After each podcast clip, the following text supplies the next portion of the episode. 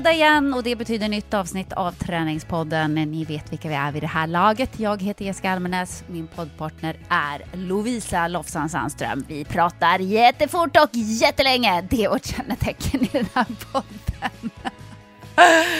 Ja, men jag tror att det gör att den kanske är ganska så bra att träna till. Man blir ju i alla fall liksom inte sövd. Jag har ju vissa poddar jag sätter på när jag ska sova. Jag tror inte att Träningspodden är en podd man sätter på när man ska sova. Vad tror du Lovisa?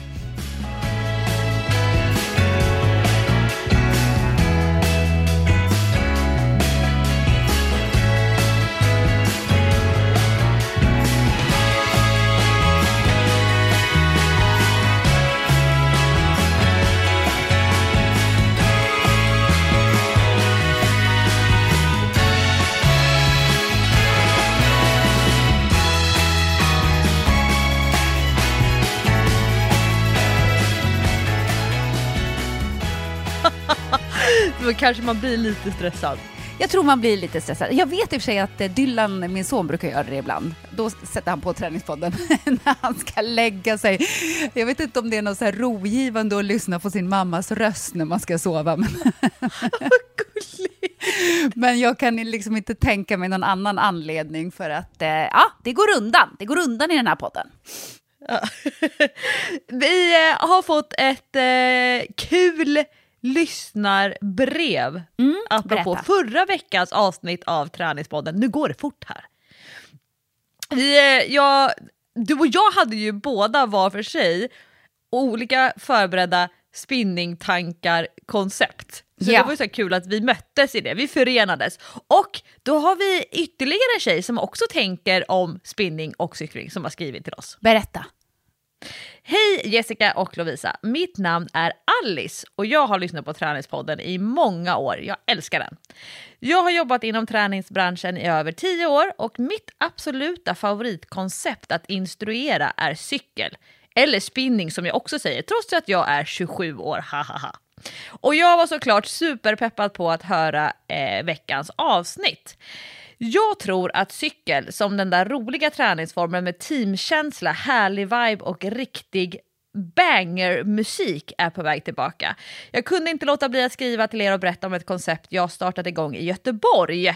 För nu, alltså det blir ju väldigt mycket Stockholmsfokus. Nu älskar jag att det kommer Göteborg här. Ja. Eh, det kallas Bike and Bubbles och är en partycykelklass. Oj. Med brinnande isfacklor, konfetti vevande handdukar, Nocco-shots och såklart en banger-spellista.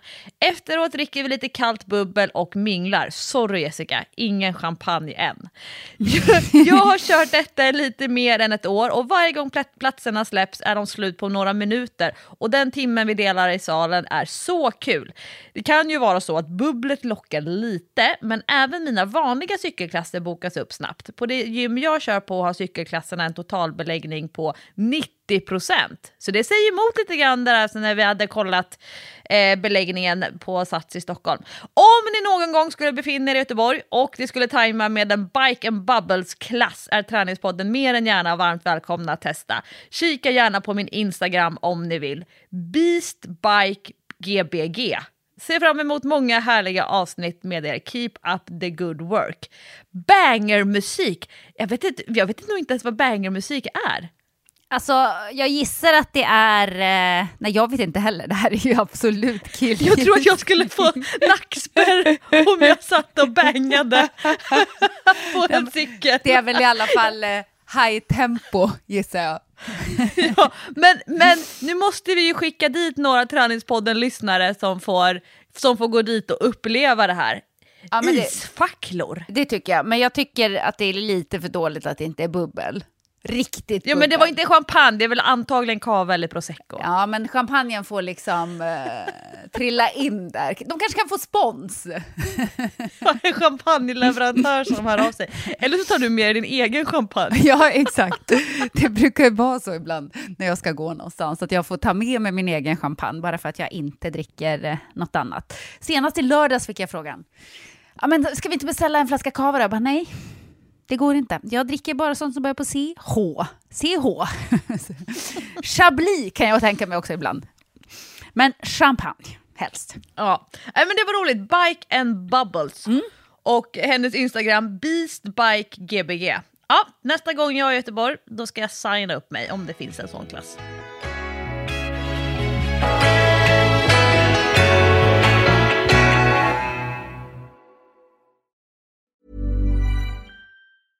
Ryan Reynolds here from Mint Mobile. With the price of just about everything going up during inflation, we thought we'd bring our prices down. So to help us, we brought in a reverse auctioneer, which is apparently a thing. Mint Mobile unlimited premium wireless. Ready to get 30, 30, bit to get 30, bit to get 20, 20, 20, bit to get 20, 20, bit to get 15, 15, 15, 15 just 15 bucks a month. So, Give it a try at mintmobile.com slash switch. $45 upfront for three months plus taxes and fees. Promo for new customers for limited time. Unlimited more than 40 gigabytes per month. Slows. Full terms at mintmobile.com. Everyone knows therapy is great for solving problems, but getting therapy has its own problems too, like finding the right therapist, fitting into their schedule, and of course, the cost. Well, BetterHelp can solve those problems. It's totally online and built around your schedule. It's surprisingly affordable too. Connect with a credentialed therapist by phone, video, or online chat, all from the comfort of your home. Visit betterhelp.com to learn more and save 10% on your first month. That's BetterHelp H E L P. Ja men kul. Eh, innan vi går in på nästa lilla ämne som vi har eh, förberett så eh, tänkte jag bara eh, att vi kunde liksom eh, plocka upp veckan lite grann som gott. För jag vet ju att du ligger i hårdträning eh, inför att köra lopp och jag är väldigt nyfiken på det. Men jag kan ju börja med att säga att jag har ju då eh, spelat basketmatch i helgen och det gick röv. Om man får säga Nej! så. Nej men det var hemskt Lovisa. Alltså det var som att vi var ett gäng dönickar som stod på plan. Jag undrar om halva laget kanske var bakfulla. Det, det kan vara så. Alltså vi måste sätta en alkoholvarning på det här avsnittet. Nej, men det, var, det, var, det blir lite alkoholvarning på det här programmet då, för att eh, det känns som att halva laget var bakis. Jag hade själv varit ute på lördagen, men jag tyckte inte att jag hade så dålig energi. Det tror jag inte att jag hade. Jag kände mig ganska pigg ändå. Men vi var i alla fall... Eh, det var som att eh, man hade kunnat stoppa in ett gäng zombies på plan istället. Det hade gått bättre. De är i alla fall målfokuserade. Eller hur? De har i alla fall ett mål som de styr mot. Nej, det var, det var lite avslaget och det, och det var tråkigt och jag fick liksom en liten knäck här i mitt eh, coach-självförtroende. För att jag kunde inte vända på det där att vi hade kommit in i den här dåliga trenden att det bara var lojt liksom.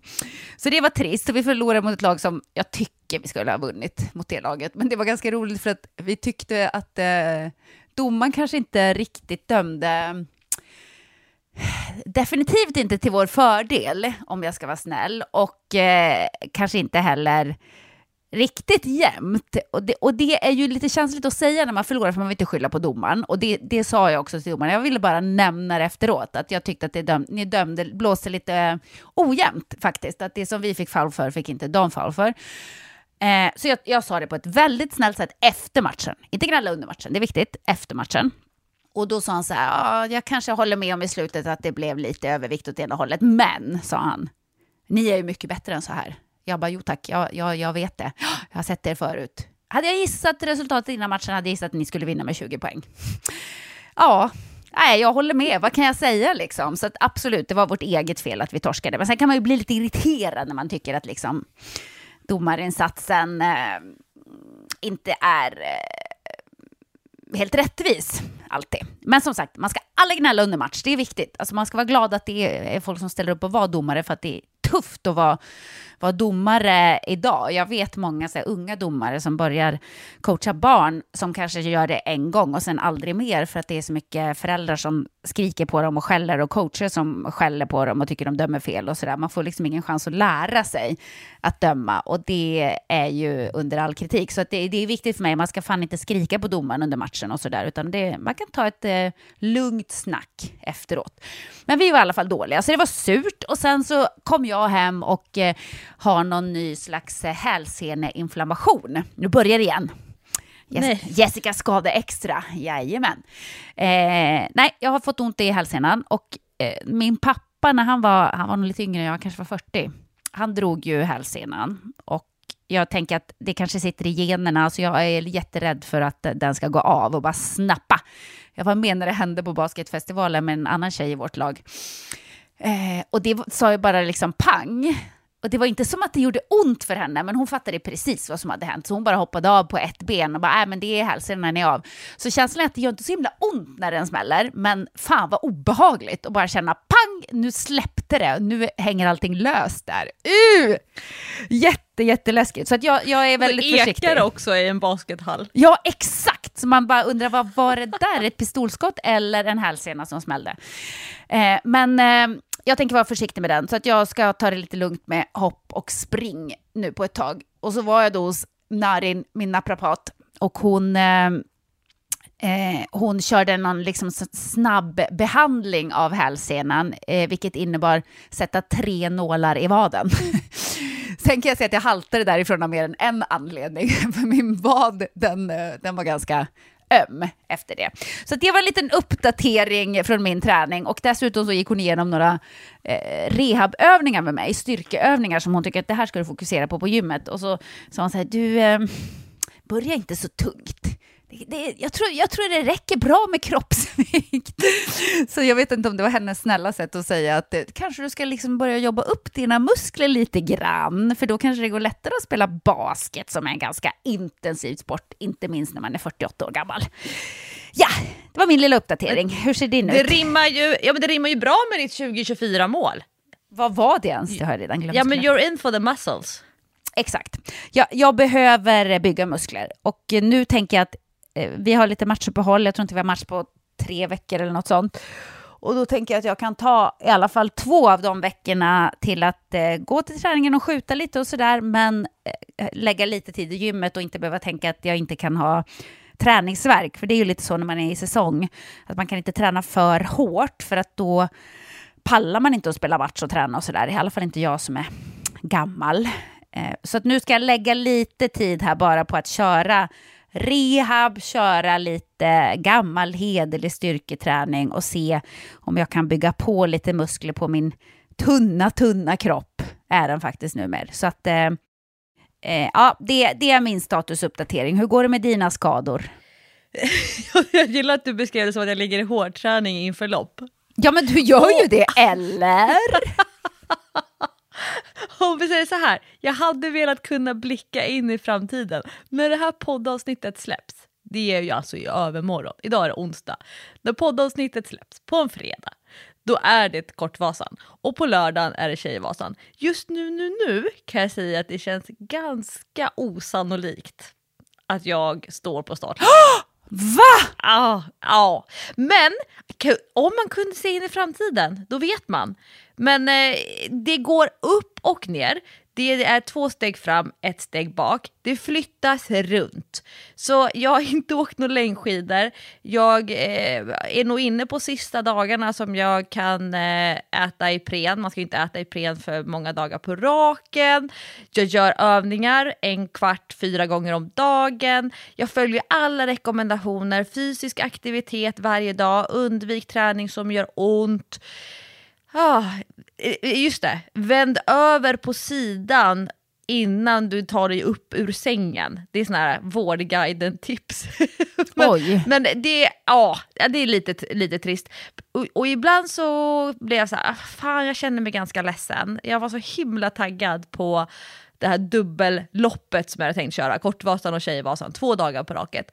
Och jag, även om min eh, grundmindset, det var ju fasen vilka två bra träningsdagar det blir i volym. Sex mil längdskidåkning på två dagar, det var ju liksom det jag gick in i det här projektet med. Men sen så taggade jag ju till och bara jag vill tävla, jag vill prestera bra på Tjejvasan, jag har kommit in i en bra startgrupp, herregud jag ska bara köra. Och sen så, åh. Men nu är jag ganska flexibel i mina tankar och eh, Ja, alltså den som lever får se. Typ, jag, jag vet faktiskt inte. Jag har med, kommer ha med mig alla grejer upp och sen så tror jag att jag kommer känna eh, på kvällen innan, kanske på morgonen. Jag hämtar i alla fall ut min startpåse. Om jag, kan jag sitta bra på tåget i tågfåtöljen, då, då hämtar jag ut min startpåse. Men, men jag har tränat. Och- jag har tränat ett, ett ganska kul pass som eh, eh jag kan berätta om. Mm. Ja, Eller kul och kul. Men vänta, här- får jag- bara fråga en sak? Du åker upp oavsett. Du har bestämt att du kommer att åka. Ja, jag kommer åka upp till Mora oavsett och det är ju för att incitamentet för den här Vasaloppshelgen, det här är ju andra året på raken som jag åker upp med två tonårskillar som är superfokuserade, jättemotiverade och de är så väl förberedda. De har åkt så mycket längdskidor och de tränar med skidklubb. Så Sixten och hans kompis Sigge, det här är deras liksom andra eh, andra året på raken som vi gör den här resan. Så att jag går ju in i supporterteamet, det är jag som är supporterteamet, om jag inte åker själv. Annars var det så här, var och en får ha sin egen livlina, var och en får klara sig själv. Men nu kanske det snarare blir så att jag blir supporter. Dock har jag ingen bil med mig, så att jag tror då att jag kommer få åka upp med bussen med dem till starten, se till att de kommer i ordning, heja på dem när starten går och sen antingen försöka hitta en buss tillbaka eller som jag tänkte, alltså jag är ju ganska social och minglig. Så jag tänkte att annars så kanske jag försöker hitta en bil att åka med tillbaka. Jag går helt enkelt runt och frågar om det är någon som ska åka till Mora. Eller om det är någon som också vill vara supporter så man kanske hinner se killarna på några stycken stationer. Jag har ingen aning. Jag har aldrig varit supporterteam på något av Vasaloppen. Så att det är, ja, jag är ganska öppen. Eh, men jag åker upp oavsett. Och sen så ska vi åka upp till älskade Lofsdalen eh, oavsett sportlov. Sen får vi se hur mycket jag kan åka där. Alltså, I don't know. Jag känner mig flexibel och öppen, lite deppig i perioder. Men jag tränade ett träningspass igår som, och du, nu kommer så här, jag tycker var roligt, men alltså då är det så här, okej vad är rolig träning? För det här kan ju vara någonting som du och jag går igång på, och flera av våra Träningspodden-lyssnare, men skulle jag prata om det här på stan då skulle ju folk bara, ursäkta, hur kan, hur kan det där vara roligt? Men det var faktiskt roligt. Ska jag berätta? Ja, men självklart. Jag sitter och väntar. Ja. Det här är en klassisk, eh, en del av passet, en klassisk 500 Oj, det som gillar vi. ju älskar. Ja. ja, vi gillar 500 eh, Först en generell rörlighetsuppvärmning.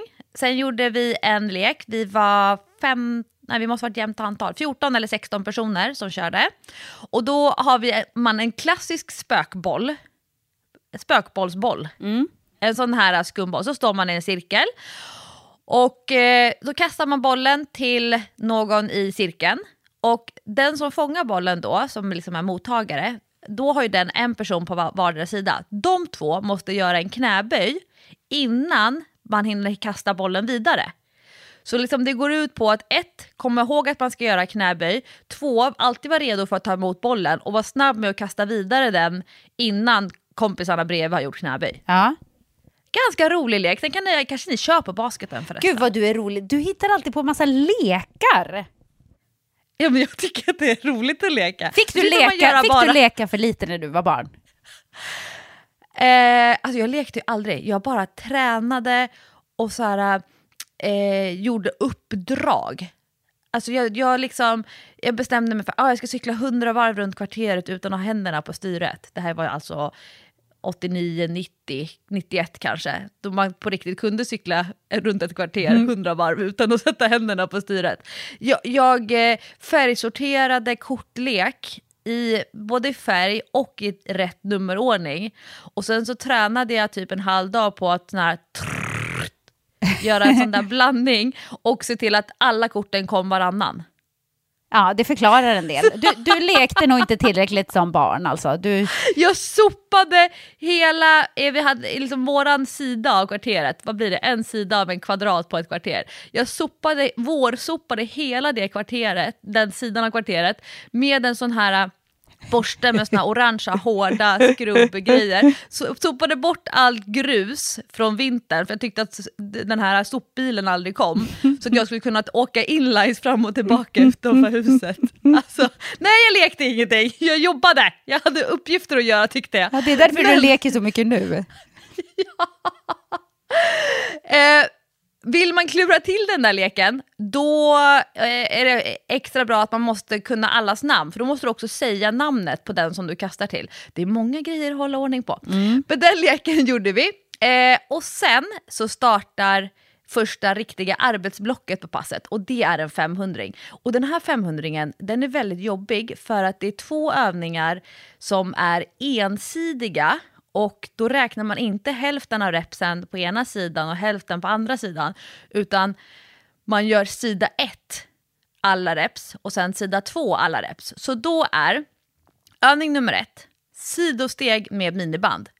Och en 500 den bygger ju på att man gör 40 repetitioner första varvet, plus 30 repetitioner andra varvet, plus 20 repetitioner tredje varvet, plus 10 repetitioner sista varvet. Då har man samlat ihop 100 reps per övning och sen har man fem övningar, eller då som vi, tre övningar varav två är ensidiga. Så då sidosteg, 40 repetitioner samma ben 40 steg. Och sen 40 steg tillbaka med andra benet först. Och sen 40 knäböj med minibandet runt knäna, driva ut knäna åt sidan, 40 stycken. Och sen excentriska step downs.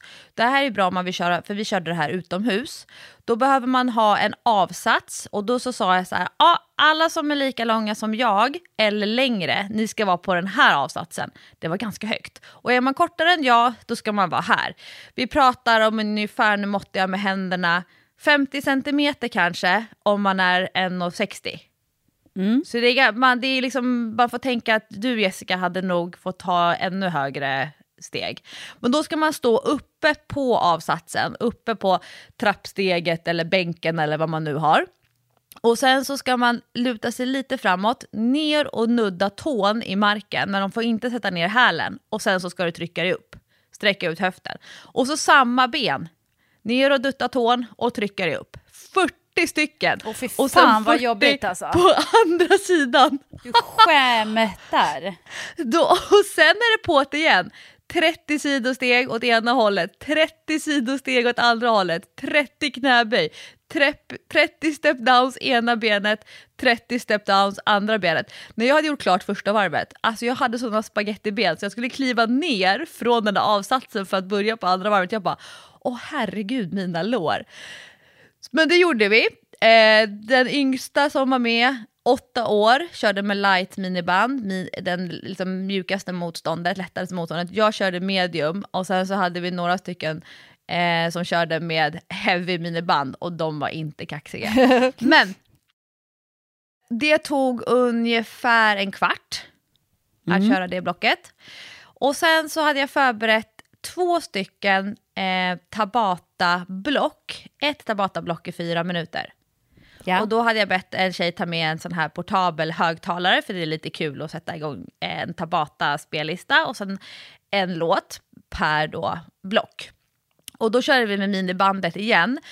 Eh, och det jag kanske borde, om jag hade varit en schysstare coach, då borde jag sagt att man kanske inte behöver ha heavybandet. Det var några som insåg det efter att ha kört en, den första fyra minuterna. Men då kör man pilbågen.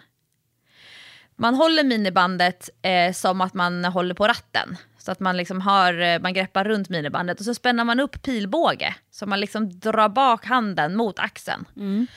Och då körde vi först 20 sekunder ena sidan, 20 sekunder andra sidan, 20 sekunder sida 1, 20 sekunder sida 2. Då har ju halva tabatan gått.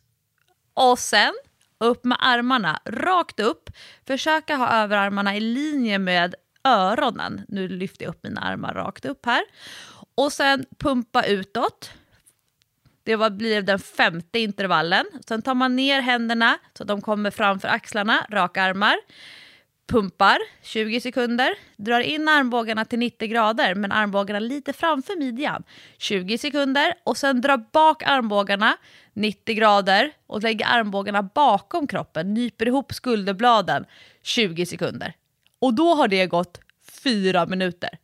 Pilbåge, pilbåge, pilbåge, pilbåge. Pumpa uppåt, pumpa framåt, pumpa 90 grader, pumpa 90 grader fast armbågarna bakom. Sen fick man vila en minut. Och jag kan säga att jag tittade på en annan tjej som var med på passet. Och så tittade jag på henne och bara, alltså herregud, det här var så jobbigt Axla. Hon bara, då skakade hon på huvudet och typ, och jag var den enda som stönade och stånkade. Jag sa det, är jag den enda som har den här extroverta trötthetsspråket. Ja. Alla andra är så här knäpptysta, introverta, visar ingenting. Men jag, jag tror att det var fler som tyckte det var jobbigt. Andra fyra minuter, då ska man göra samma övningar, men då pausar man istället. Pilbåge, pausa fem sekunder. Och sen igen, pausa fem sekunder. Och sen igen. Och sen samma, att man pausar istället. Åh, alltså jag hade så mycket blod i axlarna. Jag hade så mycket muskelpump. Riktigt sån här Arnold Schwarzenegger-pump. Och sen som avslut, då lekte vi igen. Tre gånger 30 sekunder. Och då får man, eh, kan man turas om om man är en grupp. Men då kan man välja lite mer low impact. Då går man på stället. Sen kan man köra jogging på stället eller tripping, att man liksom trrr, eller kanske kör höga knän. Så första 30 sekunderen, då, då säger jag så här, ja, grön, då ska man ner och nudda höger hand i marken. Och blå, ner och nudda vänster hand. Och så, går, ju- så, så jag sätter igång en timer på 30 minuter, man väljer vilken rörelseform man vill göra och sen så säger jag grön, blå, blå. Och sen får man vila efter 30 sekunder. Sen lägger vi till en till färg, då är det kanske svart. Då ska man göra ett upphopp. Så då blir det ett extra moment att hålla ordning på. Och sen den sista 30 sekundaren, då la vi till, då hade vi först omröstning vilken färg vi skulle lägga till.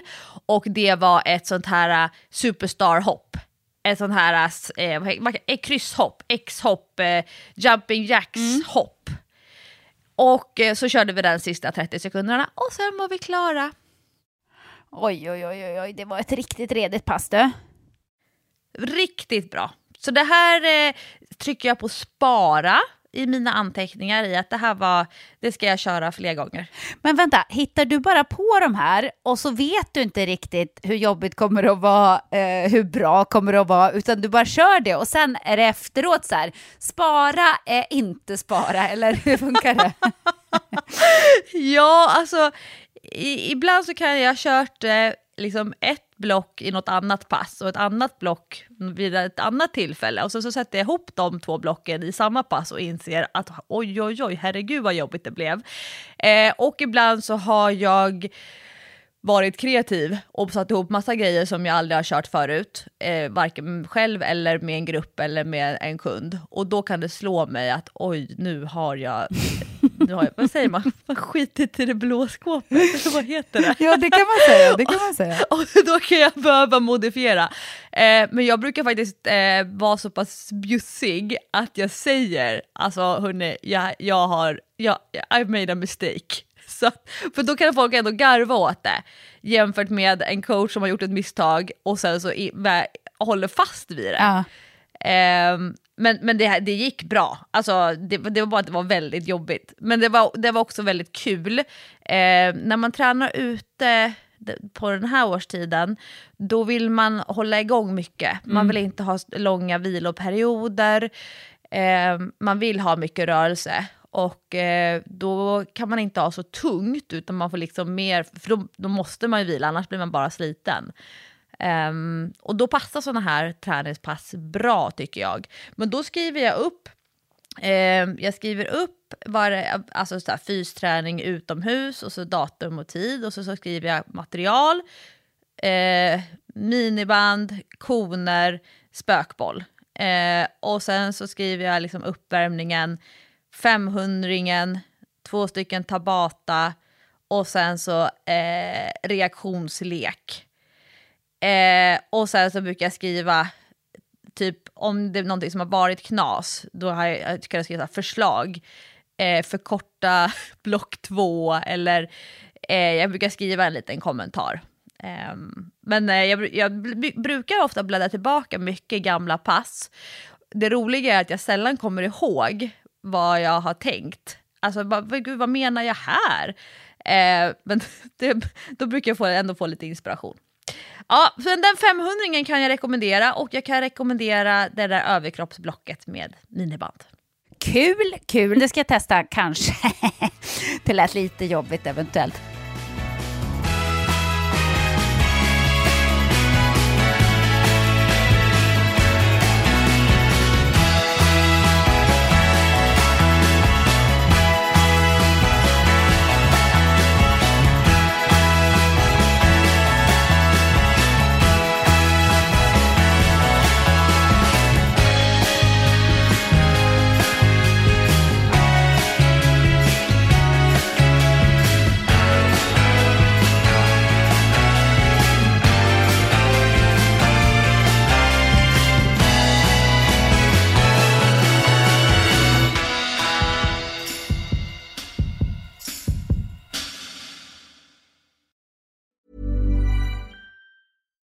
Fact a crocodile can't stick out its tongue. Also, you can get health insurance for a month or just under a year in some states. United Healthcare short term insurance plans, underwritten by Golden Rule Insurance Company, offer flexible, budget friendly coverage for you. Learn more at uh1.com. Hey, it's Ryan Reynolds, and I'm here with Keith, co star of my upcoming film, If, only in theaters, May 17th. Do you want to tell people the big news?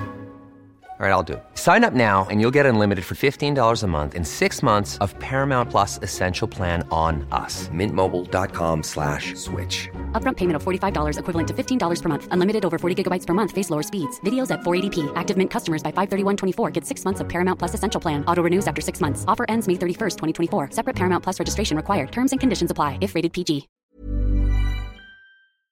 Vi är även denna vecka sponsrade av Rusta och det passar perfekt för det är ju full vår ute nu. Man kan vara ute utan att ha dunjackor och tio lager kläder, det gillar man. Äntligen, äntligen! Varje vår tycker i alla fall jag att det känns som att det är ett helt nytt liv som börjar. Jag kan sitta ute, jag tycker om att känna solen värmer ansiktet. Och för mig är det liksom, det, det är ett njut. Älskar att vara ute. Och Rusta, det är vårens bästa vän för de har allt för det här nya livet, utomhuslivet. Ja, precis. Vi har ju tidigare berättat att Rusta har ett brett sortiment av i princip allt som du behöver till din uteplats.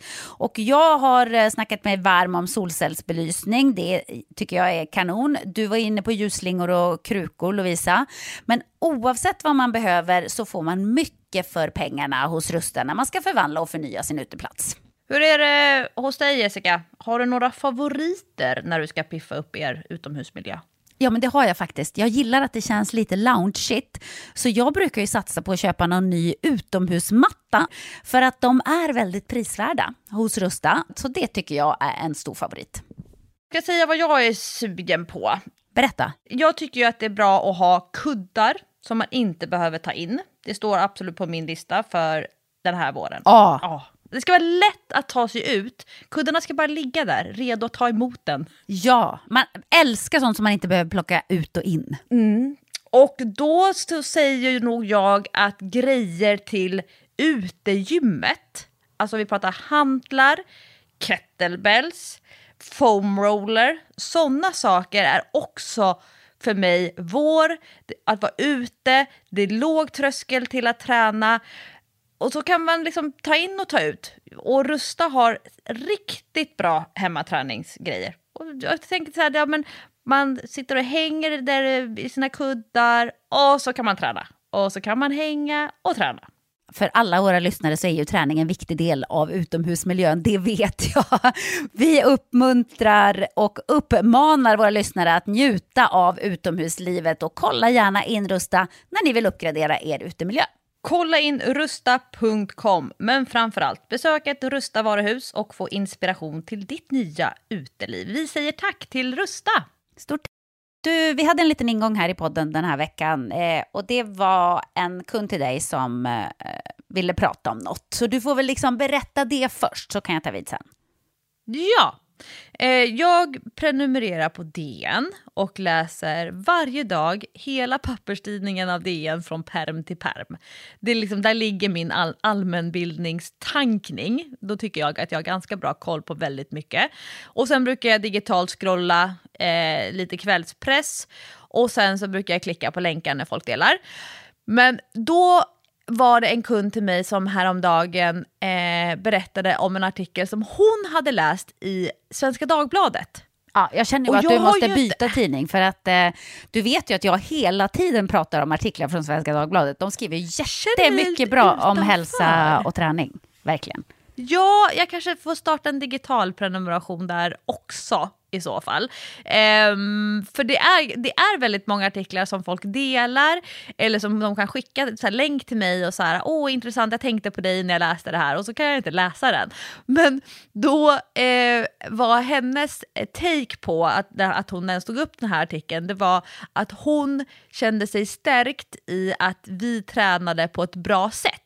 Så hon hade läst artikeln och känt så här, wow, jag, vi är, jag är rätt ute med min PT. Men så kunde hon inte riktigt återberätta innehållet i, i artikeln. Men då tänkte jag så här, ah, men Jessica, hon läser Svenska Dagbladet. Så då undrar jag Jessica vad det egentligen stod i den här artikeln eh, för att min kund upplevde att hon hade velat veta mer om det här ämnet. Så där, där är jag nu mentalt. Mm. Eh, och jag eh, får ju väldigt mycket inspiration av eh, Svenska Dagbladets eh, artiklar om eh, hälsa och träning. Eh, de, de, skriver eh, väldigt bra och väldigt eh, mångsidigt där. Alltså de tar upp många olika ämnen. Men ibland så känner jag precis som din kund, aha, jag vill läsa mer om det här. Men då kan det liksom eh, för mig vara starten till eh, eh, att jag börjar googla och liksom läser vidare om ämnet. Så det kan ju också vara bra. Och vill man läsa på engelska så kan jag rekommendera Washington Post, för de skriver också väldigt mycket om hälsa och träning. Mycket intressant, men man kan ju inte ha hur många prenumerationer som helst, det kan man ju faktiskt inte. Man kan ha ett bra träningsnätverk, då kan man dela upp det så att någon prenumererar på det ena och någon på det andra, och så har man en liten studiecirkel. Ja. Veckans artikel. Varför inte? Det är väl en bra idé, eh, om man delar upp det så. Men det här handlar ju då om eh, träningsplatåer om att man kan hamna på en träningsplatå. Och det här har vi väl alla upplevt tror jag, som tränar mycket. Att man ibland känner sig, gud jag får inget resultat av min träning. Eh, och att man då eh, har lärt sig av oss, kanske om man liksom lyssnar på Träningspodden, att man måste skruva på träningen lite, på sitt upplägg, ändra någonting man gör, inte göra same same. Men i alla fall, jag slukade den här artikeln då och eh, tyckte väl kanske lite grann som din kund att eh, Alltså jag tänkte så här Lovisa, men det här vet väl alla redan? Men sen kom jag på så här, det kanske alla inte alls vet. Det kanske bara är vi som är så här nördigt intresserade av träning som vet de här grejerna om träningsplatåer. Eh, vad, vad tror du? Men eh, jag, jag, vet ju inte vad de... Vad Nej, de, jag vet. Men vad, alltså, tror du att jag liksom tror för mycket om folk? För du, du vet, ibland kan jag tänka så här, alla vet väl det här om någonting. Och då säger alltid min kära sambo, som har lite mer sådär, han kan ha lite mer perspektiv och inte snöa in på sin egen synvinkel alltid. Så säger han till mig så här, nej, alla vet inte det här, men du tror att saker som du vet är jättelätta. Och så det kanske är så. Är, eh, brukar du hamna i den fällan så här att du tänker så här, men alla vet väl det här?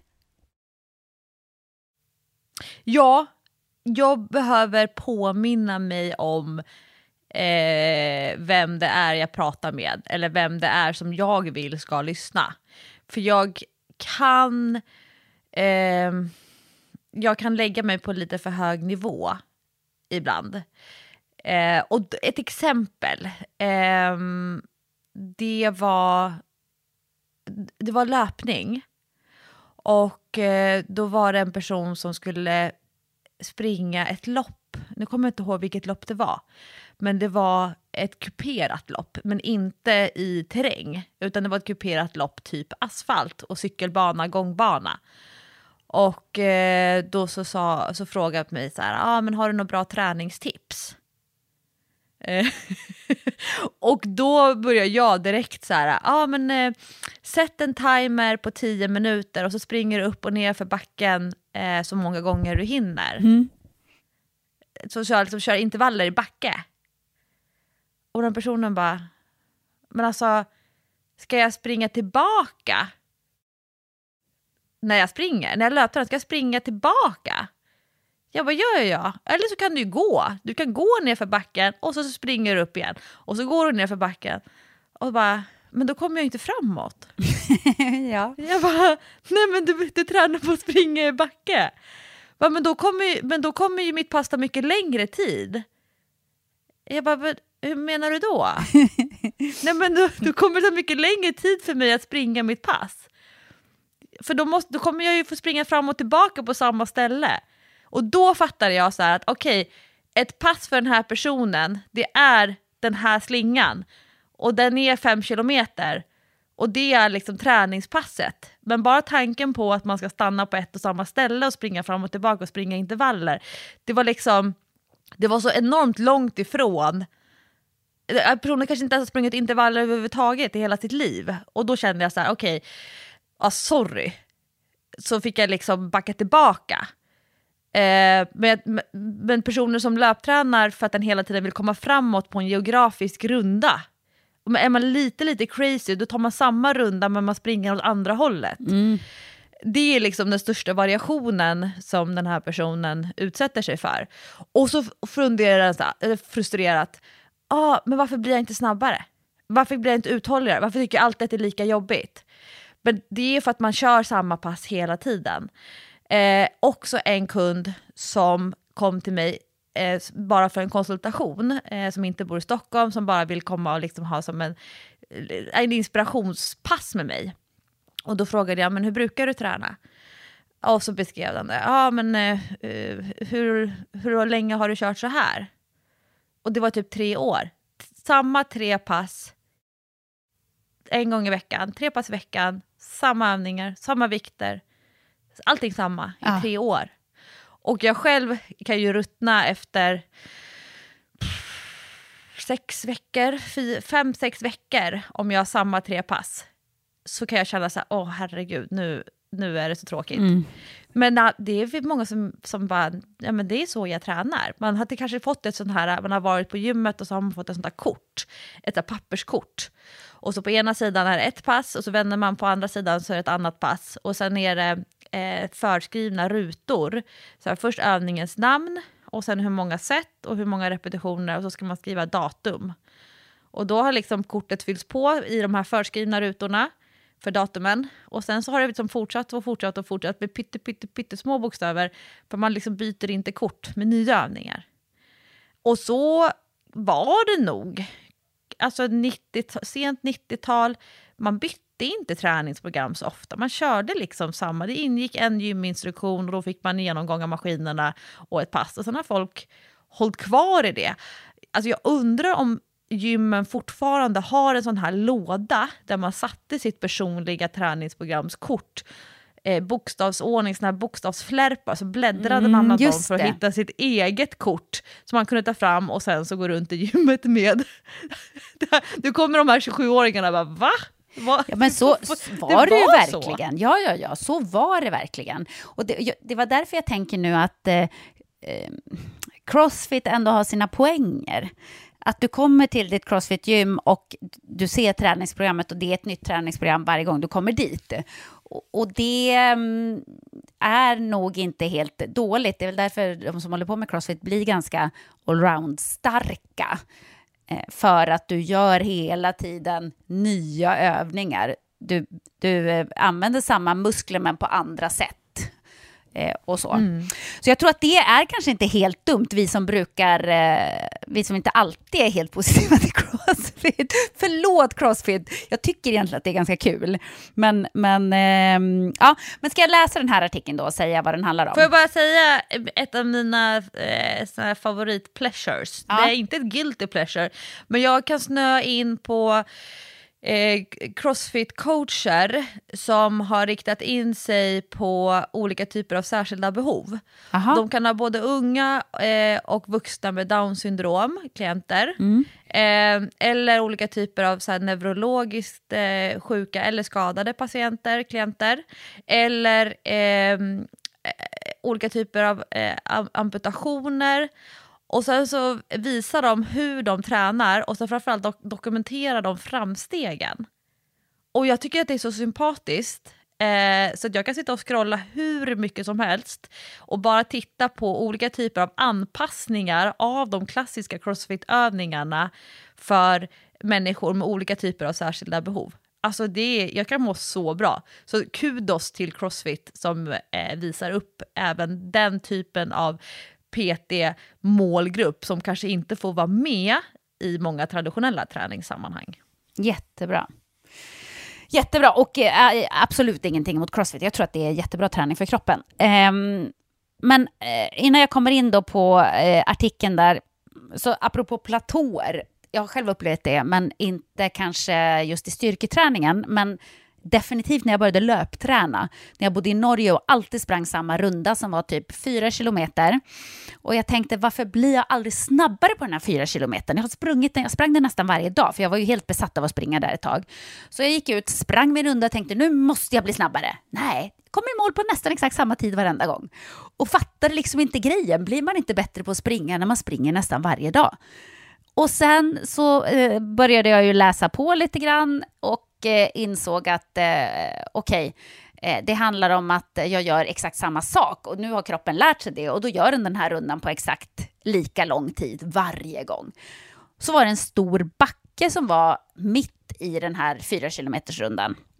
Så la jag in, ja men jag började köra lite backintervaller mitt i löppasset. Så jag sprang till backen, körde lite backintervaller och så sprang jag hem. Och vad hände då? Ja, men plötsligt så blev jag ju snabbare på min lilla slinga. Så det var liksom den lilla grejen som behövdes för att eh, vässa till min löpträning när jag var precis i början i alla fall. Men nu till artikeln.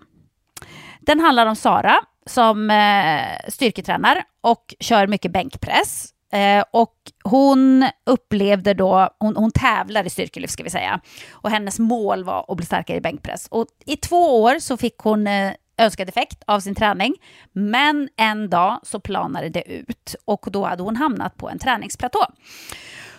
Eh, och det här eh, eh, händer ju de flesta som tränar mycket och regelbundet.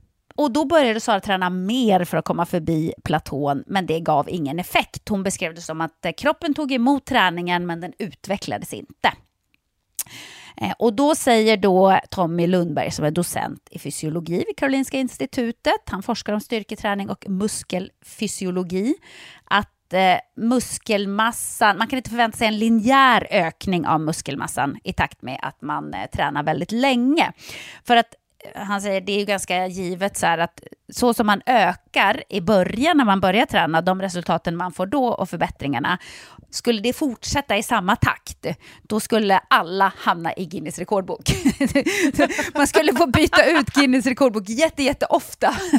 Folk skulle bli så otroligt vältränade och starka, helt enkelt. Och vad kan då det här bero på? Ja, men eh, ofta så kan det bero på att eh, man tränar för lätt Eh, här säger då Tommy att eh, folk väljer sina vikter, då väljer man oftast en belastning på ungefär 50 procent av vad man maximalt orkar.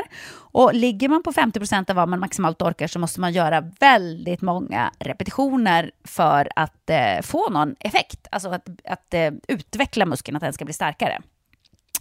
Så han säger att om muskelmassan ska fortsätta växa så måste man stimulera musklerna mer och mer med eh, enligt principen om progressiv överbelastning. Och det vill säga stegvis öka på vikten, öka på antal repetitioner, öka på träningsfrekvens. Och gör man inte det så kommer man inte att få effekt av sin träning.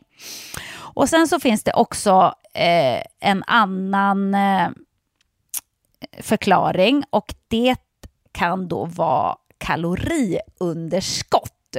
Men, och det här tycker jag ändå är ganska intressant faktiskt. Eh, därför att det här att man inte äter man inte tillräckligt när man tränar så, så får det oftast inte effekten man vill. Man kanske tror att man kommer få en ännu bättre effekt, att man deffar och du vet, ja men jag bygger muskler, eh, men jag äter mindre än vad jag ska, vilket betyder att jag borde bli både eh, smalare och mer definierad. Eh, men det stämmer inte riktigt, för att musklerna kan inte byggas om man inte får i sig tillräckligt med näring. Så ligger man på kaloriunderskott så kan det innebära att man inte får någon effekt av sin träning. Är det här något som du upplever ofta bland dina klienter? Mm, absolut, absolut. Och, och jag kan ibland eh, sätta lite koppel på eh, klienter på så sätt att de vill både äta mindre och träna mer. Och då säger jag att, fast vet du, vad är viktigast? Mm. Är det att du blir starkare eller att du får mindre underutsvett? Och då säger ju alla att de vill bli starkare. Alla säger att de vill bli starkare. Det är liksom, den insikten har ju verkligen slagit igenom på så samhällsnivå när det handlar om de positiva effekterna av styrketräning. Folk har fattat, de, de, av de som jag möter, både de som tränar och de som inte tränar, att muskelmassa, det vill man ha. Styrka vill man ha. Men många vrider ju på de här rattarna samtidigt. Och då finns det en ganska stor risk att du inte blir starkare och att du alltid känner dig lite, lite sliten och lite, lite trött och lite, lite deppig och lite, lite hungrig för att man äter för lite. Eh, jag tror att det är eh, vanligare bland kvinnor än bla, bland män. Men, och det har nog att göra att män kommer undan i större utsträckning med den här eh, att man bulkar, att man blir större och större och större, man lägger på sig massa, medan kvinnor tycker att det ofta är lite jobbigt att de blir större när de styrketränar. Ja, de blir starkare, men de vill ju helst inte bli så himla mycket större och särskilt inte kanske över liksom, övre delen av ryggen. Eh, blusarna börjar liksom spänna. De tycker att det är jobbigt att jeansen sitter väldigt tajt runt låren och rumpan. Eh, och att den mentala processen är ganska så tuff. Så de gillar att få mer muskelmassa, de gillar att känna sig starkare, men det är jobbigt när kläderna inte sitter så som de kanske är vana att de ska sitta eller som de ser att den sitter på andra eh, människor. Nej, pre eh, precis, så det är ju komplicerat, men, men lyssna på det här nu då, om ni har det här problemet att ni kanske äter för lite, att har man kaloriunderskott så ökar nedbrytningen av befintligt muskelprotein. Det vill säga de musklerna som du har och som du har tränat för att bygga upp och sådär, de bryter du ner om du inte äter tillräckligt. Och det borde ju liksom vara Eh, ett incitament till att äta mer. För att det är ju inte så jäkla kul att gå och träna, men man äter för lite. Så istället för att man får en ut, positiv utveckling och bygger mer muskler så bryter du ner de musklerna som du har kämpat för att få. Det är ju skitdumt. Och därför så, så säger då eh, vår docent Tommy Lundberg, att man måste, ökar man träningsmängden, att tränar du mer så måste du också anpassa din kost. Tränar du mer så måste du äta lite mer. Så att det funkar inte riktigt om man vill bygga muskler och bli starkare att eh, samtidigt dra ner på kalorierna. För att då kommer du inte att få den effekten som du vill ha. Eh, och sen så eh, är det också den här grejen att man eh, har svårare att bygga muskler när man blir äldre som man säger då. Och det här är någonting som händer redan i 40-50-årsåldern tydligen. Eh, och det kallas för den anabola resistensen. Kroppen svarar sämre och sämre på muskelbyggande stimulans som träning. Men om man har börjat bygga muskler i ung ålder så har man förmodligen byggt upp muskelceller som kan bli ännu större om du börjar träna senare. Så att man har lite försprång om man har byggt lite muskler redan som ung. För att eh, då kan du liksom stimulera dina muskelceller på ett annat sätt. Men som sagt, det kommer att vara svårare att få träningsresultat när du blir äldre, i synnerhet om du inte har tränat innan. Eh, sen så säger då Eh, Jessica Norrbom som är doktor i fysiologi och forskare vid Karolinska institutet att det här handlar också om neuromuskulära förbindelser. Och det är då området där rörelsenerver och muskelceller kommunicerar med varandra. Och de här kan då utvecklas väldigt snabbt i ett tidigt skede av träningen. Så om man inte har tränat tidigare och börjar träna så blir nervsystemet bättre och bättre på att koordinera signalerna till musklerna. Och det är därför som många när de precis börjar träna upplever att man får ganska stor effekt i början och att man blir ganska mycket starkare när man börjar styrketräna. Men sen när de här banorna liksom har etablerat sig, när den där kontakten och signalskickandet funkar som det ska, det kommer att plana ut och då får du inte riktigt samma effekt. Eh, och då rekommenderar hon att man ska se över sitt träningsupplägg att man kanske inte ska göra eh, saker på samma sätt alltid. Man ska byta ut övningar, eh, man ska ta i mer.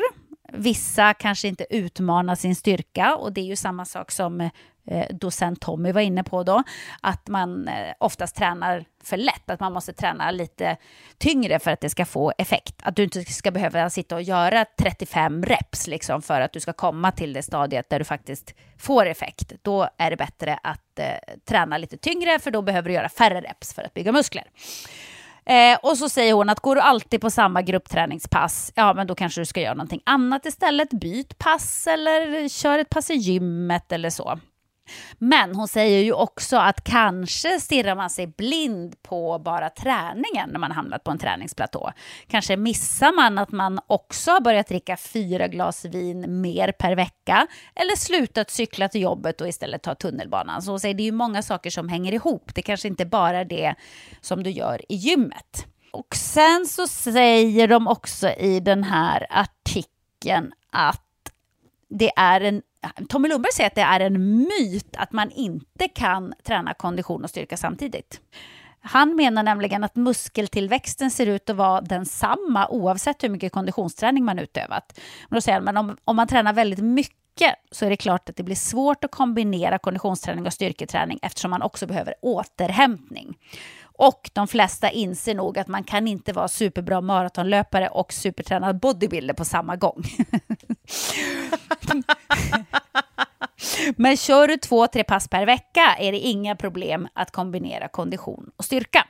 Eh, så det ska man inte vara så rädd för, utan det kan ju vara ett sätt faktiskt att variera sin träning så att man kanske får mer effekt än att man alltid tränar likadant. Och så menar han också att periodisera sin styrketräning kan vara bra. Det vill säga variera faktorer som intensitet under olika perioder. Och det, eh, då får man ju också effekten av att det blir roligare när man faktiskt byter ut övningar och varierar intensiteten. Eh, och det viktigaste, det är ju det då som kallas för progressiv överbelastning. Och sen avslutas den här artikeln med att Sara berättar hur hon kom över sin träningsplatå och det var att hon körde andra typer av övningar som fortfarande relaterade till bänkpressen. Eh, det vill säga liknande övningar då, men som stärkte musklerna runt omkring så att hon inte hela tiden var inne och rotade i exakt samma muskler när hon bara körde själva bänkpressövningen eh, som sin träning för att bli starkare i bänkpress. Eh, så att hon säger så här, jag tror, jag tror att man lätt kan säga att du, om du tränar mer kommer du förbi detta, men jag tror inte att det är så enkelt. Jag tror det är bättre att testa något nytt och se om man kan få igång kroppen lite. Och då menar jag, eh, Lovisa, att eh, det här var en sak som jag tänkte så här, det här vet ju alla om man hamnar i en träningsplatå, att man antingen måste ändra sin träning och variera den och göra någonting annat, inte göra same same hela tiden, eller att man måste skruva på någonting som till exempel antal repetitioner eller hur tungt man tränar, eller så. Men det kanske inte är common knowledge. Alltså det kanske inte är något som varenda människa vet. Jag vet inte. Ja, jag får massa tankar nu. Um, jag tror att vanliga människor hinner inte uppleva att de är på en träningsplatå för att de tappar kontinuiteten. Mm. Um, alltså att de kanske inte är så pass noggranna att de har koll på sina siffror och därmed ser att de är på en platå. Om man under tre veckor inte har gjort någon utveckling eller framsteg på samma program och, och de har inte ens det reflekterande tänket. Eh, man går dit, gör sitt jobb och så går man hem. Och, och det är ju fine. Eh, men jag tror att ett, ett problem kanske är att den här platån, det är ju på ett sätt liksom de hårda svartvita siffrorna. Men en platå kan ju också vara att man inte får den där kicken som man får när man har ett nytt träningsprogram.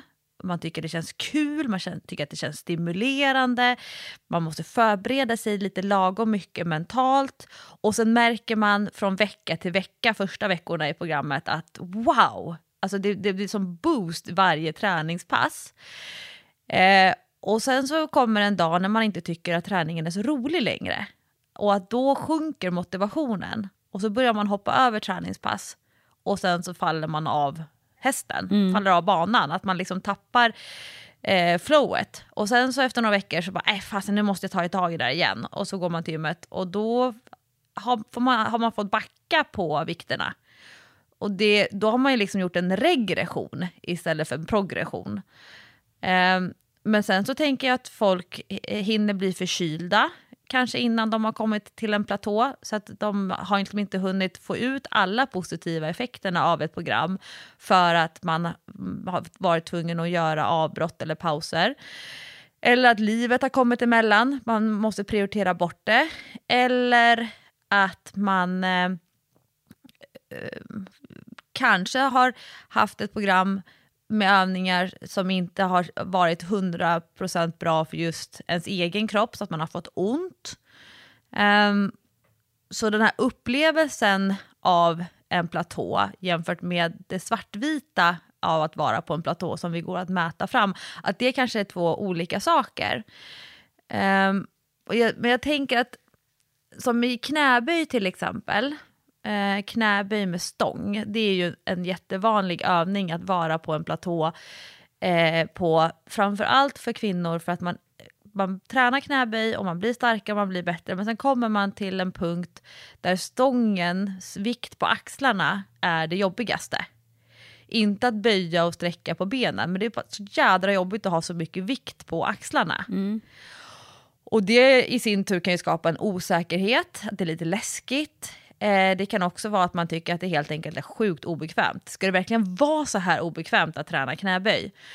Och eh, då finns det ju en risk att man, eh, eller risk, men att man helt enkelt inte lastar på ännu mer trots att man skulle kunna klara det för benen. Och då brukar jag vända på det åt andra hållet. Då kan man ta bort lite vikt från stången, axlarna, men göra andra saker istället, som till exempel att göra längre paus i sitt nedre läge, det som är ens eget personliga bottenläge.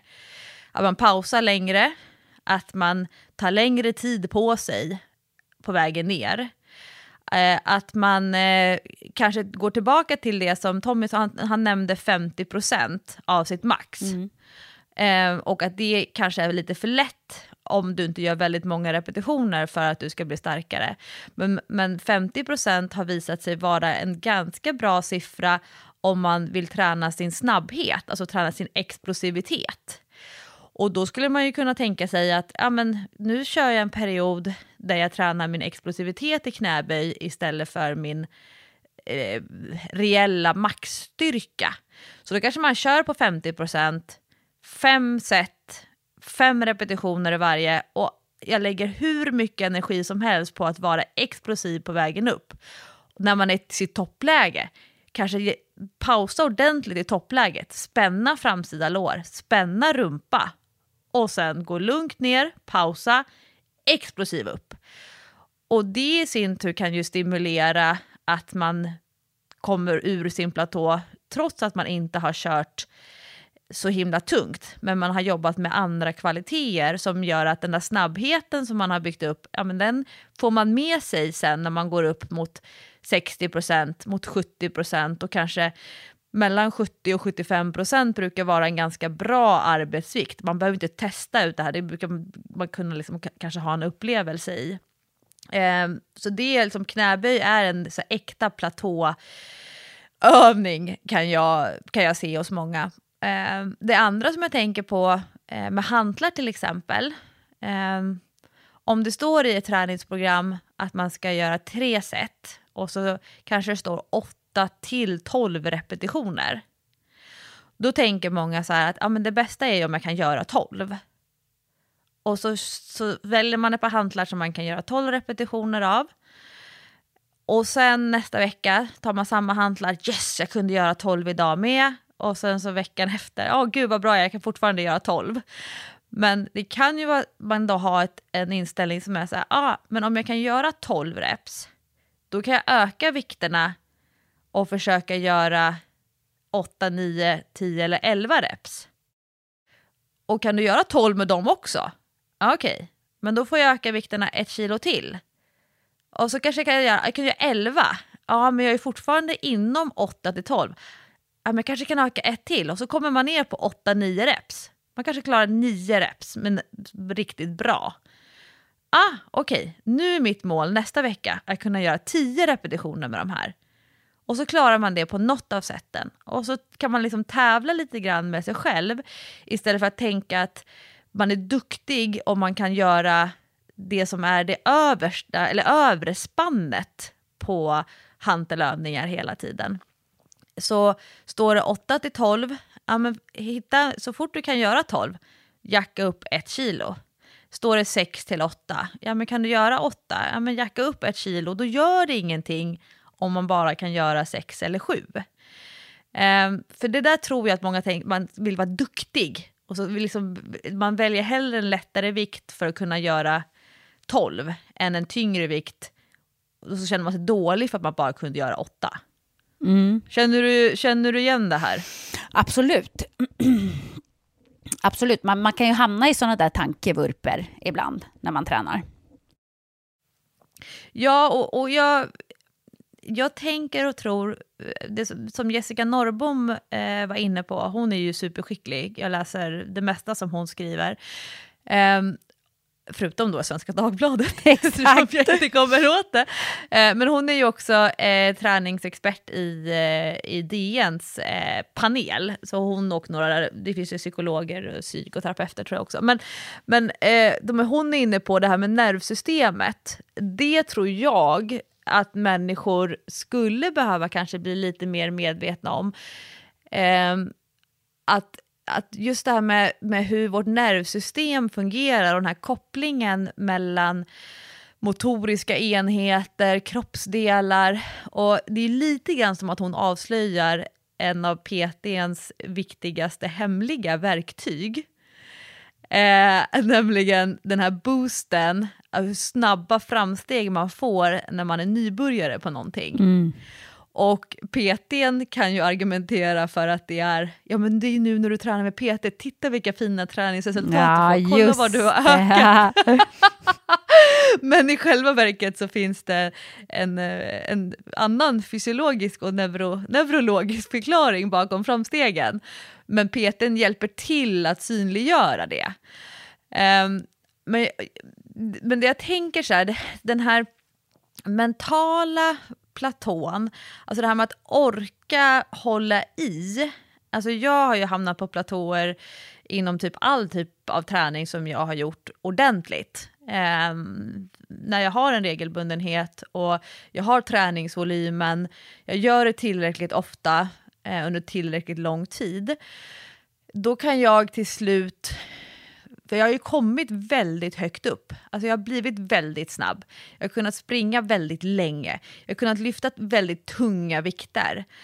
Och då har jag hamnat i situationer där jag börjar dra mig för att gå och träna för jag vet hur mycket som kommer krävas av mig. Alltså jag vet att jag har en så pass hög nivå och att det kan sänka min motivation och höja min tröskel mm jämfört med att vara i, på, i en fas av ett träningsprogram där det är ganska låg tröskel eh, och att det inte krävs så mycket att hela tiden matcha den nivån eh, som jag eh, har kommit till. Och den är ju lite jobbig för att det är lite samma sak tror jag, tänker jag. Det här, nu kommer liksom ett, ett resonemang. Men när man tittar på gamla bilder av sig själv, när man var i väldigt bra form, och så får man lite dåligt samvete över att man inte är där nu. Varför njöt jag inte mer när jag var så vältränad, när jag var så smal, när jag var så snygg? Eh, och så blir man lite bitter över att man inte kan ta sig dit igen. Ehm, så då, det är därför jag har lite svårt för det här med före och efterbilder. För att varje efterbild är ju också en förebild för en senare period. Ja. Och människor som, som har liksom gjort en sån här riktig satsning, och det, oavsett om det är 16 weeks of hell eller att man eh, tränade upp sig för ett Ironman eller för ett maraton eller man gjorde någon riktig dietsatsning och så klarar man det, man klarar att ro det i, i hamn. Och, ehm, och sen så kommer man antagligen inte kunna hålla i det därför att det var en stor satsning. Det krävde väldigt mycket av personen. Fokus, dedikering, tid, svett, planering. Och så mäktar man inte med det och då kan det vara så att man till och med mentalt lägger sig på en lägre nivå för att man har lyckats uppnå det här åtråvärda resultatet förra året, för förra året, för tre år sedan, för fem år sedan. Så att man liksom slår på sig själv, vad dålig jag är som inte kan ta mig dit igen eller kunde, kunde stanna kvar där. Men det tänker jag lite grann är en del av en tränande persons liv. Alltså att det är någonting som liksom ingår i paketet.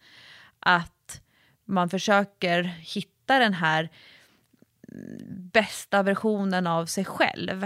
Eh, alltså tänk alla, nu när jag som är född 84 fyller 40, tänk alla mina kompisar och alla andra i 84-generationen som så här, jag fyller 40 år, jag ska vara i mitt livs bästa form.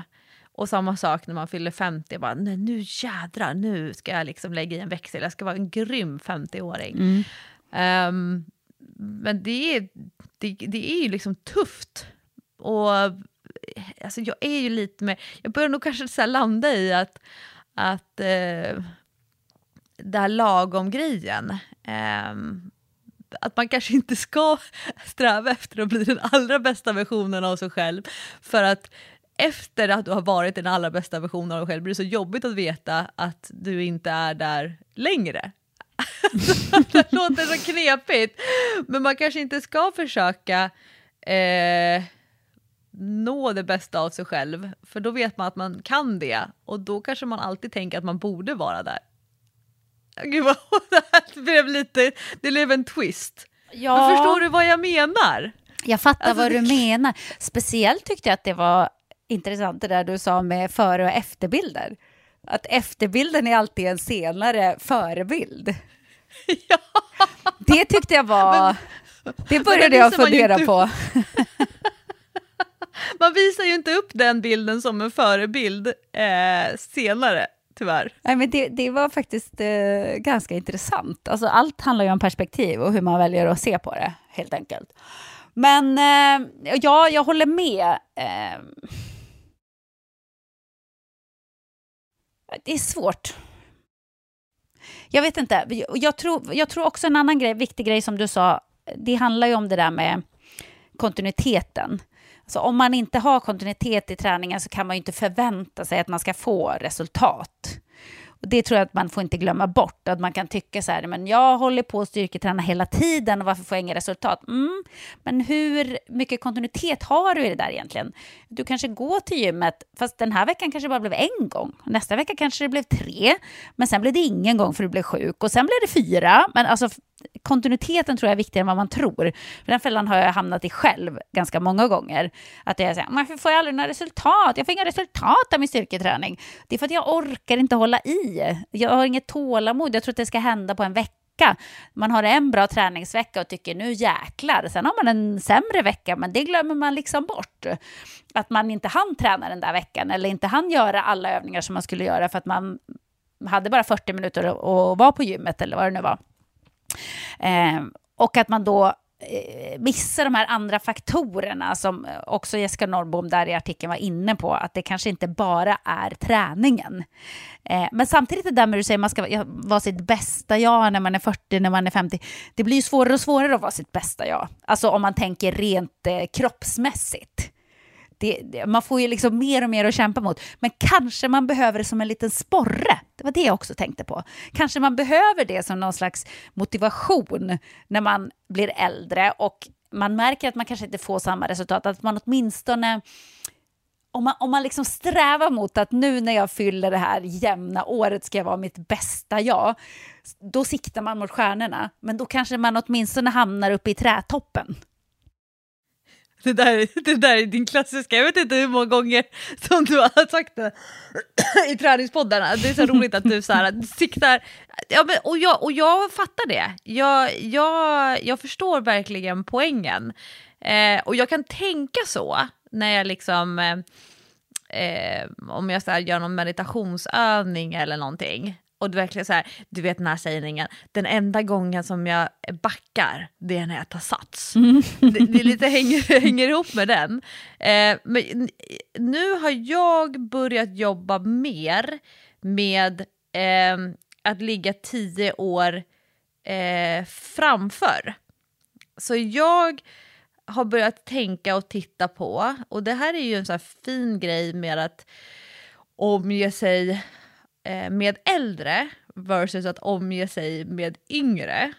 Att jag kan så här titta på 50, en, en eller två 50-åringar och så kan jag tänka så här, ah, om tio år, wow, då vill jag också vara sådär vältränad. Då vill jag också vara sådär cool, med i gamet, ha så bra koll på Alltså jag är ju så jävla dålig på musik och sånt där, men så här, artister eller konserter eller liksom när det handlar om allmänbildning eller när det handlar om, om rörlighet eller kondition eller sådana saker. Och när jag pratar med de 50-åringarna som jag kan se, liksom, ah, det där är en bra målbild för mig, då säger de så här, ah, men jag har, då har de, kan ha någon 60-åring som de har mött som de känner så här, wow, det där är en bra målbild för mig. Så då blir det liksom att, att man lägger sig 10 år framför versus att titta på 30-åringarna när man är 40. Mm. Um, och, och, och då är det ju lite roligare. Kommer du ihåg när det kom en sån här aging-app där man kunde, kolla, man kunde ladda upp en bild så kan man se så här, så här kommer jag se ut när jag är gammal. Och då, då såg jag verkligen framför mig att ja, det, där, det där skulle inte vara så tokigt ifall jag såg ut så. Sen är det inte säkert att, att man ser ut så. Men det, jag har nog liksom landat lite mer i att tänka tio år framåt än att vara liksom the perfect 40-åringen eh, eftersom där, där är jag ju nu. Jag tänker också att jag, så mycket kan jag inte påverka eh, på kort sikt 2024 i att det ska göra något så här stort avsnitt. Jag har redan gjort så himla mycket. Det här låter så hemskt, nu låter jag så, så gammal. Men jag har redan uppnått så himla mycket av det som jag eh, ville uppnå. Så att jag är mer så här, okej, okay, men vad är, good, vad är good när man är 50? Då, där har jag börjat liksom hamna nu. Men å andra sidan, jag hade jättesvårt att tänka när du fyllde 40 Jessica, vilket jag minns som igår, då hade jag jättesvårt att tänka att du var 40. Mm. Alltså, det, det, sånt där blir ju lite knasigt i ens egen hjärna för att man så, står sig själv så himla nära och ser på andra människor saker väldigt selektivt. Alltså jag kunde inte förstå hur du Jessica skulle fylla 40 och du var så himla cool och trendig. Och, ja, men man, man, man, hjärnan kan ju spöka lite på det sättet, att man är så selekterande i vad man hämtar för inspiration. Ja, exakt. Eh, och, och det här är ju det här är den största lärdomen, måste jag säga, i livet. Jag tror fan i mig i livet. Som man inte kan förstå. Det går inte att förstå det när man är 20. Det går inte att förstå det när man är 15, 16. Det går inte ens att förstå det när man är 30. Men det är att eh, man är eh, exakt samma livet igenom. det är problemet. Så att inne i sitt huvud så blir man inte äldre. Det är det som är grejen. Det är därför man kan titta på bilder på sig själv och eh, eh fortfarande tycka att man ser mycket yngre ut. Det är precis som att man tittar i någon sån här eh, magisk spegel. Inte när man tittar sig själv i spegeln, då kan man ibland få panik, men titta på bilder, bara, ja men jag, då ser väl ut som jag är 30. Man kan liksom inte se att det är ett åldrande ansikte som är där och man kan inte tänka i sin hjärna att man på något sätt är annorlunda än Alltså jag, jag eh, tror att jag är lika gammal som mina eh, basketkompisar som jag spelar basket med. Och de är ju, ja men typ 27, 28, 30, 32. Alltså jag, I mitt huvud så är vi lika gamla. Jag kan inte någonstans fatta att vi inte är det. Och det här fattar man inte när man är ung, för att man tror att åh, mossiga gamlingar när de är 40 liksom. En 40 ungefär 100 år tycker man när man är 20. Nej, nej, nej, nej, inte inne i skallen. Alltså om ni bara kunde liksom skala bort det där yttre så skulle ni hitta precis samma person som ni själva är i huvudet. Det är klart man lär sig lite grann av sina misstag och sånt längs vägen, men det betyder inte att man åldras i huvudet. Eh, och det är en lärdom som man bara kan lära sig genom att leva. Att det, det är liksom ingen skillnad. Jag trodde det när jag var ung, så tänkte jag så här, undrar hur det kommer att vara när jag är vuxen. Hur kommer det att kännas? Jag kommer ihåg att jag, jag kommer faktiskt ihåg ett specifikt ögonblick när vi hade spelat någon bortamatch i basket, då måste jag ha varit kanske, vad kan jag ha varit? 16? Nej, kanske lite äldre. Ja, men, ja, jag tror fan 16 eller något sånt. I den, eh, 15 kanske, 15. Någonting sånt. Bortamatch i basket, sitter i bussen och jag sitter och pratar med min tränare och det är inte så att min tränare var lastgammal, han kanske var 30.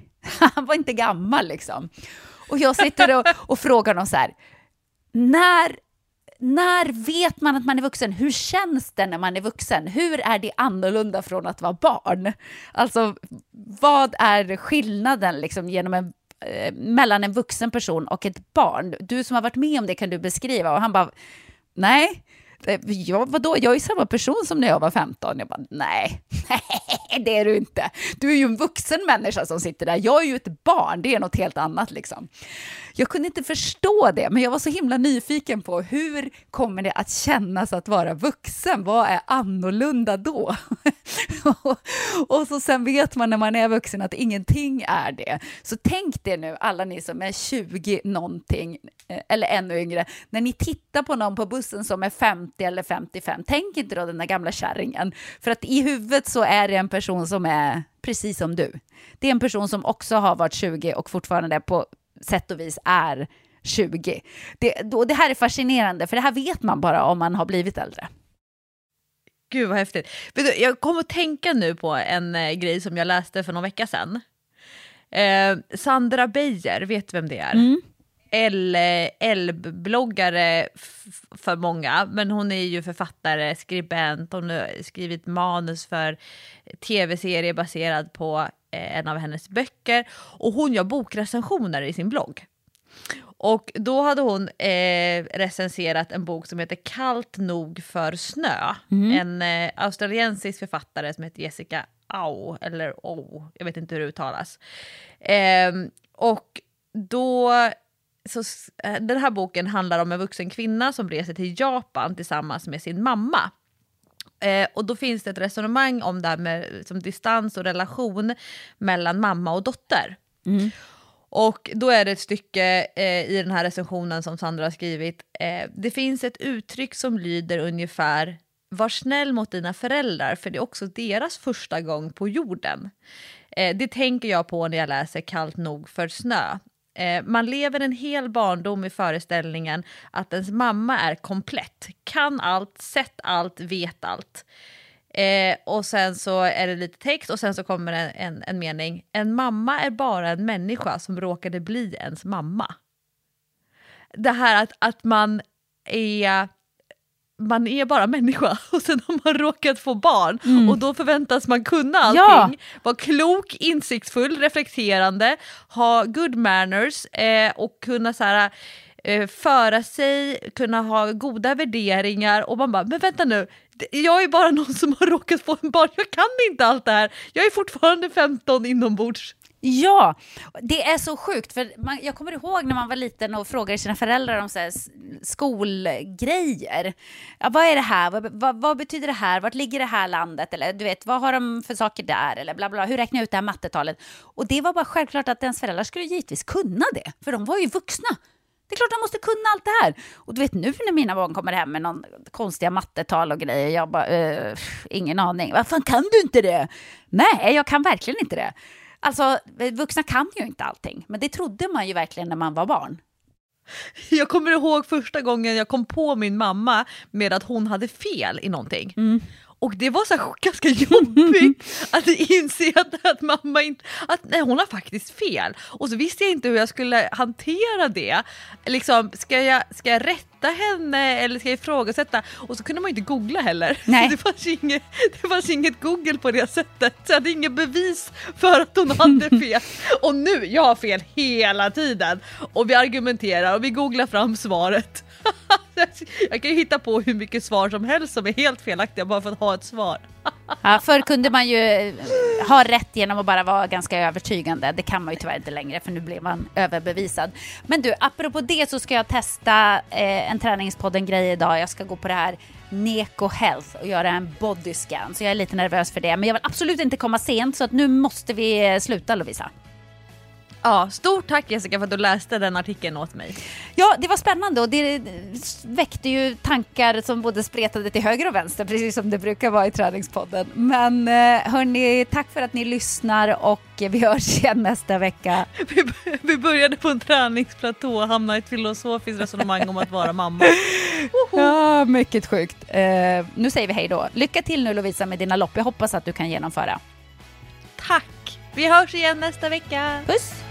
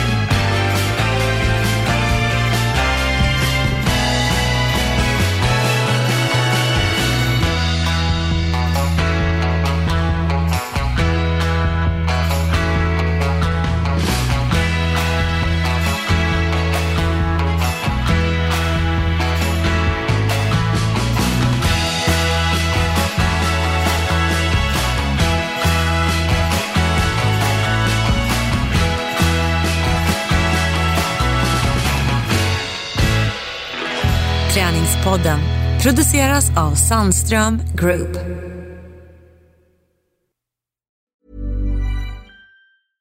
Imagine the softest sheets you've ever felt. Now imagine them getting even softer over time. That's what you'll feel with Bowl and Branch's organic cotton sheets. In a recent customer survey, 96% replied that Bowl and Branch sheets get softer with every wash. Start getting your best night's sleep in these sheets that get softer and softer for years to come. Try their sheets with a 30-night guarantee. Plus, get 15% off your first order at bowlandbranch.com. Code BUTTERY. Exclusions apply. See site for details.